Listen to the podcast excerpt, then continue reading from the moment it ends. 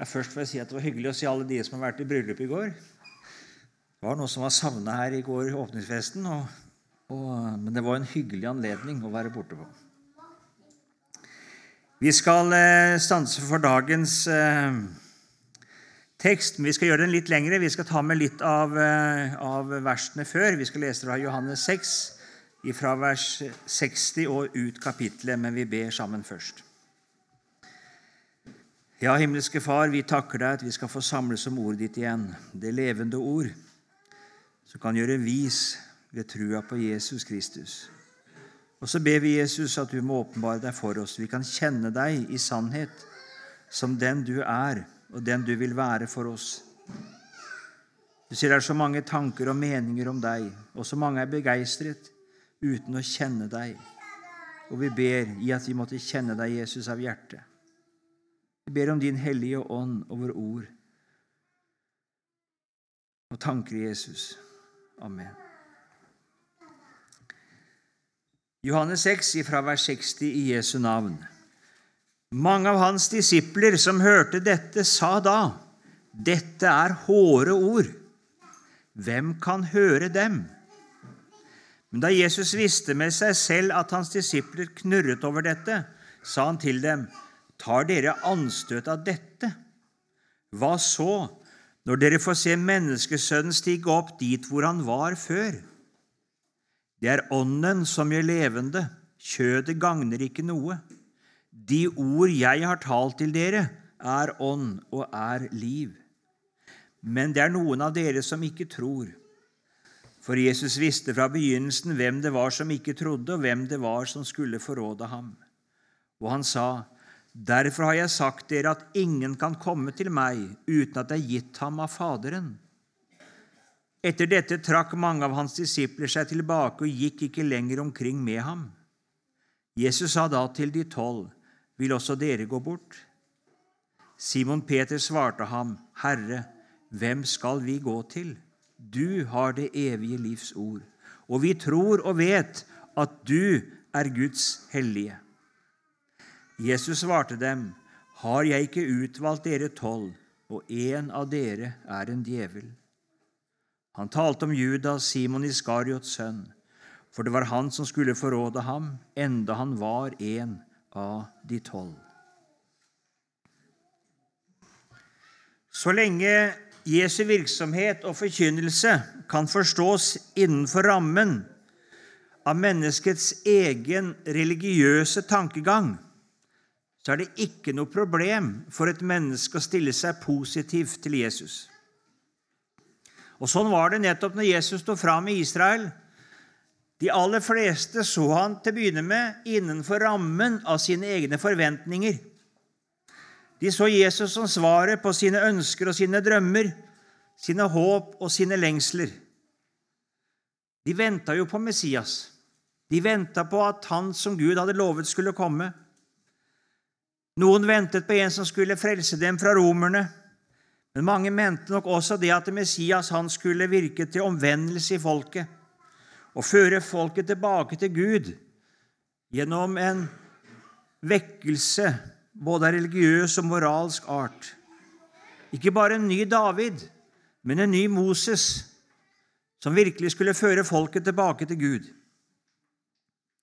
Og så skulle Gud reise folket opp igjen og så skulle det bli som det før hadde vært, i storhet på alle områder. Løftet fra jammer og elendighet, okkupasjon, til frihet og glede. Og så spurte de, og de snakka med hverandre, er han den vi venter på? Er han Messias? Ja, De spurte Jesus, er du den som skal komme? Er du Messias?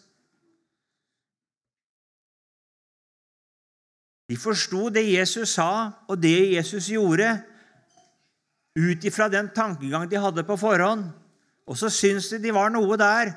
Ja, det stemte helt overens med det de hadde forventa. Men så var det andre ting som skurret. Det var andre ting de ikke fikk helt å passe. Det var del av det han sa, de ikke kunne begripe. Og så ble de stående litt avventende. Teksten vår den er henta fra en periode hvor det er veldig begeistring for Jesus. De kommer med sine syke til Jesus, og han helbreder dem. Bare for kort stund siden nå, sa Jesus, det er bare dagen i forveien, så har Jesus vært på den andre siden av Jordan, på østsiden der. Da kom det 5000 menn. Tenk det. Og kvinner og barn i tillegg, kanskje 10 000-15 000 mennesker. Til et øde område. Så ivrig opptatt av å komme til Jesus og høre han. Og så blir de metta på underfullt vis, og de blir mer og mer overbevist. Det er han vi venter på. De glemmer arbeid, og de glemmer plikter. Det er om å gjøre å finne Jesus. Han er blitt borte for dem i løpet av natta. Og så finner de han igjen i Kapernaum. Og så skulle vi tro det at Jesus måtte være glad. Tenk så mange mennesker. Eller på hva vi hadde tenkt.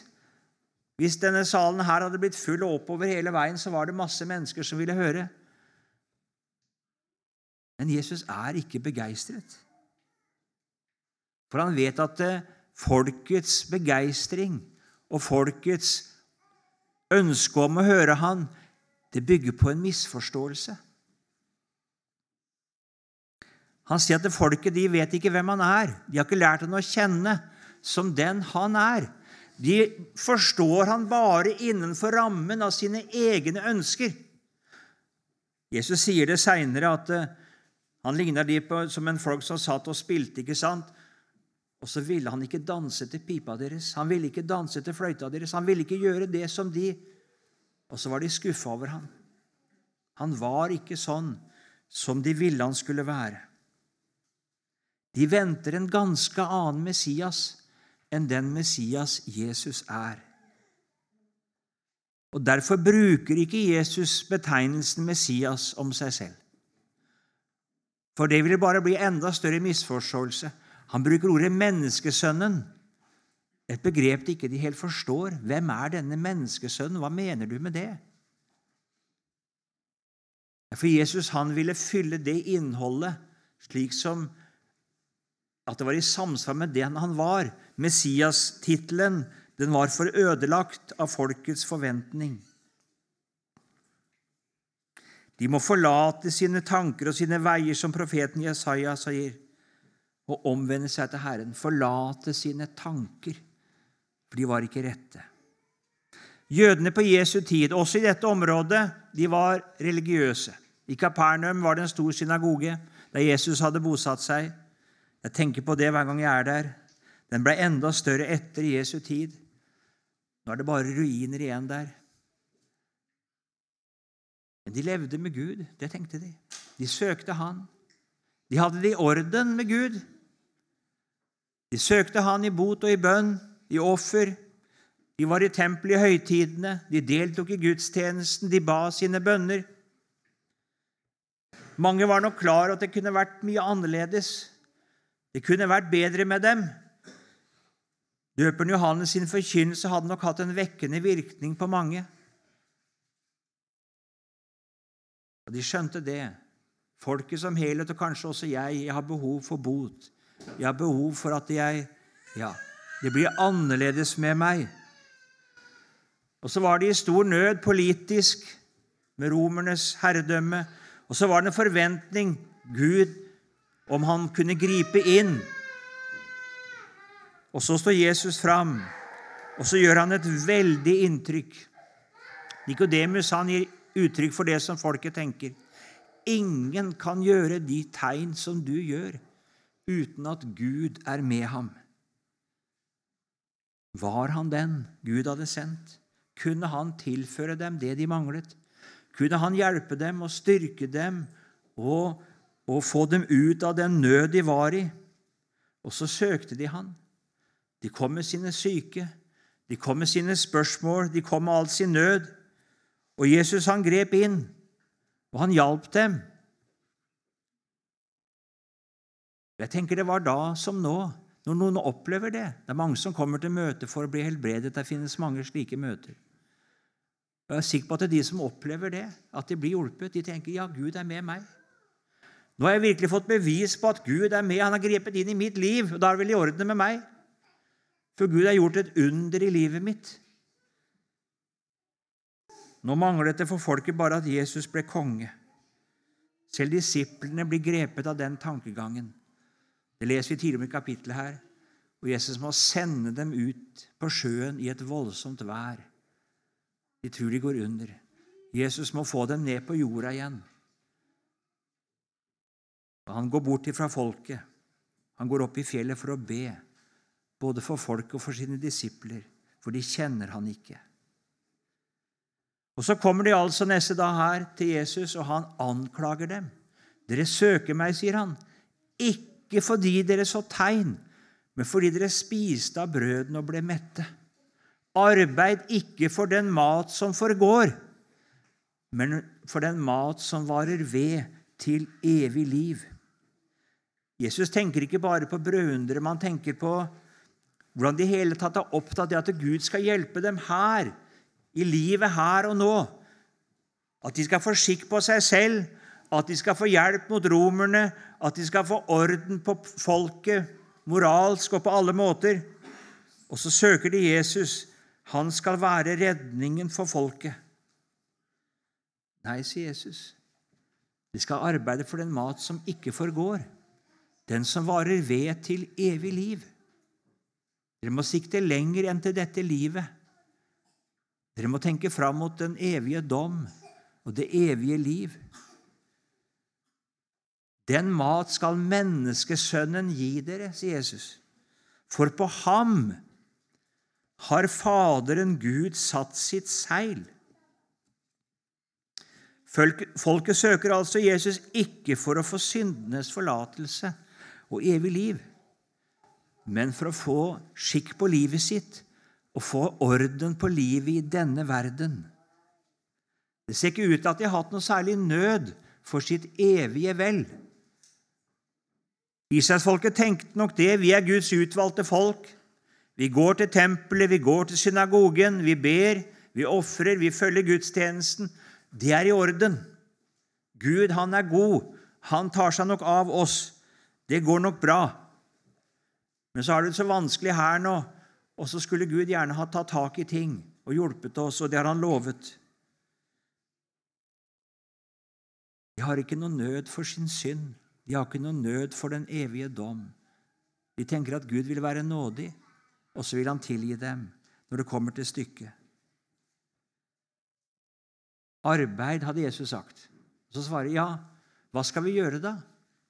Hva skal vi gjøre, sier de, for å gjøre Guds gjerninger?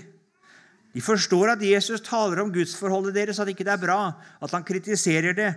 Og så er de innstilt på forbedring. Ja, fortell oss hva vi skal gjøre, så skal vi ta tak i det. Hva skal vi gjøre? Jeg vet ikke hva du tenker. Du ser på ditt eget liv. Er det sånn du tenker? Hva er det? Det skulle vært annerledes. Ja. Kan jeg få en oppskrift, så skal jeg følge den. De er innstilt på forbedring. Og så svarer Jesus, 'Dette er Guds gjerning, at dere skal tro på Ham som Han har sendt.' Dere skal tro på meg. Og da er Jesus totalt utenfor deres forestillingsverden.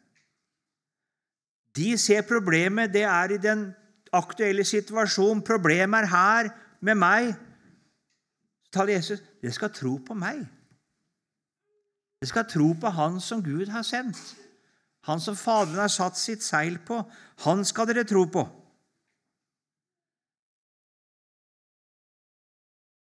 Nå er Jesus helt utenfor hele deres religiøse forestillingsverden, og de er ikke med lenger. De protesterer på det Jesus sier. Her taler Jesus om seg selv og gir seg selv en betydning som er altfor stor. De kan ikke være med på det. Selv ikke Moses har talt slik. Moses hadde gitt dem Guds bud, gitt dem gudstjeneste, gitt dem masse de skulle gjøre. Det kunne de forstå. Men han hadde ikke talt om seg selv på den måten at det ved å tro på Han så skulle man bli frelst. Nei, det er vel ikke større enn Moses. Moses ga oss brød fra himmelen. Du er ikke større enn han. Nei, sier Jesus. Moses ga dere ikke brødet fra himmelen. Vi skjønner at Jesus mener mer med brød her enn mannen i ørkenen. Mer enn budene som folket kunne bruke mannen som bilde på. Jesus taler om det som virkelig Gud har sendt fra himmelen, som gir liv, evig liv. Jeg, sier Jesus. Altså han sier at det først 'Min far gir dere sanne brød fra himmelen'. For Guds brød er det som kommer ned fra himmelen og gir verden liv. Og så sier han rett ut til dem, 'Jeg er livets brød'. Legg merke hva han sier. Han sier ikke 'læren min', 'eksempelet mitt', 'min hjelp', men jeg. Jeg i min person. Det jeg er. Det er brød fra himmelen. Og ved å tro på meg så får du del i det evige liv. Det kan de ikke godta. Det kan de ikke være med på. At dette mennesket som står foran dem, og som de tenker er Maria og Josefs sønn, at han skulle ha en sånn betydning at det evige liv eller evig dom det avgjøres av forholdet til han. De forstår det ikke. Ja, de forstår det så altfor godt, det Jesus sier. Han sier seg å komme ned fra himmelen. Han sier seg å være Gud.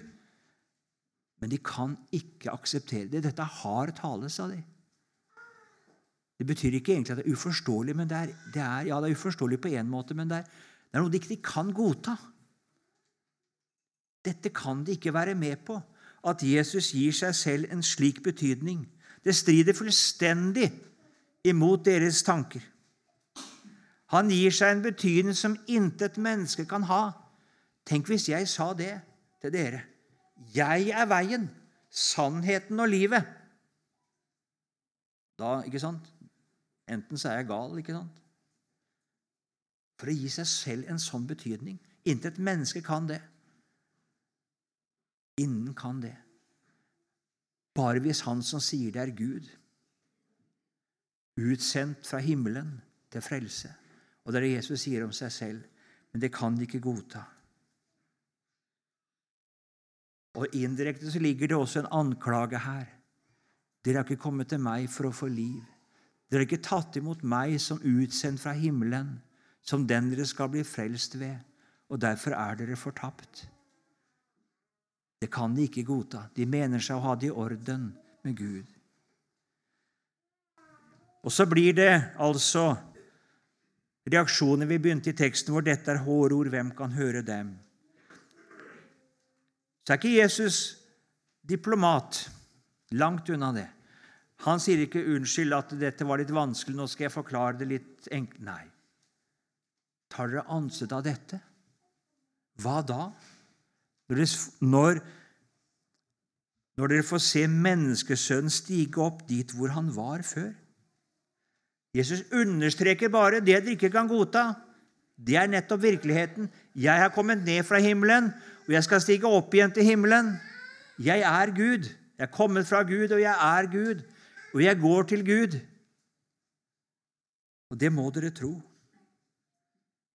Forstår dere ikke, tar dere ikke imot det jeg sier nå, så blir det enda vanskeligere når jeg farer opp til himmelen. Saken er den når du og jeg går til Bibelen, del av alt Guds ord, så er det slik at det kraften i dette ordet Det viktigste i dette ordet, det er noe som ikke ligger i forlengelsen av vår egen tankegang, men det er noe som strider mot vår tankegang. Det er veldig mange som vil gjøre kristendommen spiselig for det moderne mennesket, og så prøver man å vise hvordan kristendommens sannheter på en måte kan forenes med dagens tankegang. Det er totalt imot den måten Jesus taler på. Selve kraften i budskapet, selve kjernen i budskapet, den konfronterer, den, den kolliderer totalt med tidens tankegang. Det gjorde det på Jesu tid, og det gjør det i dag. Og her ligger kraften i budskapet. Kraften til omvendelse. Kraften til tro. Derfor sier Paulus det. Han kom ikke med visdom i tale. Han kom ikke med sånne med, med fornuftsargumenter. Han kom med ord om korset for at nettopp kraften ikke skulle bli borte. Kraften ligger nettopp i det. Derfor er det sånn at jo om klarere Guds ord blir forkynt, desto mer vil det måtte gå i konflikt med menneskers naturlige tankegang. Jo dypere inn vi kommer i kjernen evangeliet, jo mer blir konflikten åpenbar. Og Derfor avdemper ikke Jesus noe, men han taler bare klarere og skarpere. Og så fortsetter han i teksten før det vi leste nå, å tale om seg selv som livets brød. Han snakker om sin person. Det er meg dere skal tro på. Og så sier han det enda tydeligere. Sannelig, sannelig, sier jeg dere, dersom dere ikke eter menneskesønnens kjød og drikker hans blod, har dere ikke liv i dere. Den som eter mitt kjød og drikker mitt blod, har evig liv. Dere må tilegne dere meg. Altså Når du og jeg spiser noe, ikke sant, så tilegner vi oss det. Det blir ett med oss. Ja, sånn sier Jesus. Sånn må dere tro på meg. Tilegn dere meg helt personlig. Han taler om seg selv som stedfortreder og forsoner. Jesu frelsende betydning det ligger i det at han har gitt sitt kjøtt og gitt sitt blod for oss. At vi får tilegne oss det som vårt eget. Som, om det var oss, og det var ett med oss, og vi hadde del i det som vårt eget. Så spør jeg deg er det din frelse? Er det ditt håp? Er det din glede? At det liv Jesus levde, det, den kropp og det kjøtt han var, at det er ditt. At hans ferd, hans renhet, hans hellighet og det har du fått ta imot, det er ditt. At det blod som han utgjød på korset til soning for dine synder, at det er ditt blod. At det er noe du har fått ta del i som ditt. Tenk det han gjorde for meg. En er død for alle, derfor er de alle døde. Jeg var med han, for han har gitt meg seg selv, slik at alt det han er, og alt det han har gjort, det er mitt. Det var derfor Jesus kom. Jesus kom ikke for å være en ny profet, en ny Moses, en som kunne hjelpe folk å lære det og styrke det og rettlede det, og så kunne det få skikk på livet sitt. Men han kom for å ta din og min plass. For å leve ditt og mitt liv.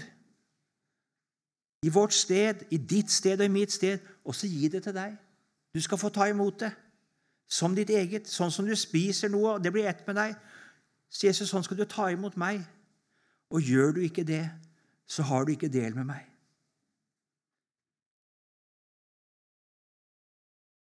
Dette kan de ikke høre. En sånn Jesus vil de ikke tro på. Men det er en sånn Jesus du må ha, skal du og jeg bli frelst. Vi trenger ikke noe mindre enn det. Vi trenger en stedfortreder. For du og jeg, vi holder ikke mål etter Guds krav. Så trenger vi en som har levd vårt liv. Vi trenger en som døde til soning for våre synder. En som tok vår plass i døden og dommen, slik at vi kan gå fri. Ja, jeg skal slutte nå. Jeg har mer, men jeg skal la det være. Jesus spør de tolv vil også dere gå bort. Det mangla mye enda i disiplenes forståelse av hvem Jesus er. Det ser vi litt seinere. Når Jesus begynner å tale om sin lidelse og død, så sier Peter det må aldri hende. Det må aldri skje, Jesus. Gud, fri deg fra noe sånt. Det var fortsatt den levende Jesus Peter gjerne ville ha. Han som kunne lære han og hjelpe han. Og Likevel så har han forstått det. Selv om det mangler enda mye av hans erkjennelse, har han forstått det. At Jesus taler det evige livs sanne ord. Og De har ikke noe annet å sette sin lit til. Det mangler enda mye i erkjennelsen. Men han bøyer seg for Jesu ord. Selv om det er vanskelig å forstå, selv om det strider mot hans tankegang og han ikke klarer å gripe det, så henger han fast ved Jesus. Jeg har lyst til å si det. Til deg som er ung og eldre med. Det vil være sånn i vårt liv, i møte med Guds ord, at her møter vi noe som vi tar anstøt av, rent naturlig. Noe vi reagerer på. Noe som er vanskelig å svølge for oss. Og så er det så mange i dag som vil tilpasse det, og så blir det egentlig ganske så allmennreligiøst. Nei, det er ikke veien. Det er veien er å bøye seg for dette ordet. Hold deg fast på det og gripe det. For det evige liv ligger i dette. Mine ord er ånd og er liv, sier Jesus. Og så er det ikke alt vi fatter, det er ikke alt vi forstår, men det er det evige livs ord. Og det var Peter og de elleve andre, ikke Judas, da, men de ti andres redning. De holdt fast på Jesus selv når de ikke forsto. Selv når det svikta hos dem, så kunne de ikke slippe Jesus. Peder fornekter Jesus, man kunne ikke unnvære Jesus. Han måtte være der hvor Jesus var, og det ble hans redning. Og det er mange svikt i både vårt erkjennelsesliv og i vårt kristenliv. Men har du fått se det? Jesus, jeg kan ikke være uten deg. Jeg trenger deg. Det frelser fra min synd.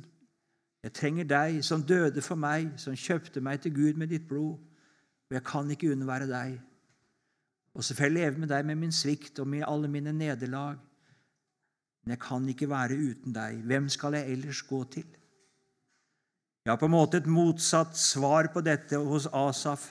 Hvem har jeg ellers i himmelen? Bare jeg har deg. Bare jeg har deg. Ja, da har jeg alt jeg trenger. Ja, kjære Jesus. Du er alt vi trenger. Så trenger vi ikke noe annet enn deg. Men vi trenger deg. Tenk at vi skal få synge det vi hørte i sangen her. Ren og rettferdig, himmelen verdig, er jeg i verdens frelser alt nu. Takk, Jesus, at du levde det livet jeg skulle ha levd. Jeg vil så gjerne ligne deg, og Jesus likevel, jeg kan aldri oppnå en slik rettferdighet som passer i himmelen. Og takk, jeg skal få din, uforskyldt. Tilegne meg deg, Jesus, som mitt eget. At det livet du levde, det skal jeg få rose meg av, at det er mitt liv. Kristus, vårt liv. Sånn leser vi. Og takk, Jesus, at du som døde, du døde ikke for deg selv. Du døde for oss. Du utøste ditt blod for vår skyld. Det var vårt blod som skulle blitt utøst, men så utøste du ditt. Du tok plassen vår. Og så skal vi få regne at det du gjorde, det gjorde du for oss. Og så er vi frelst ved det. Og vi ber Jesus bevare oss i deg. Amen.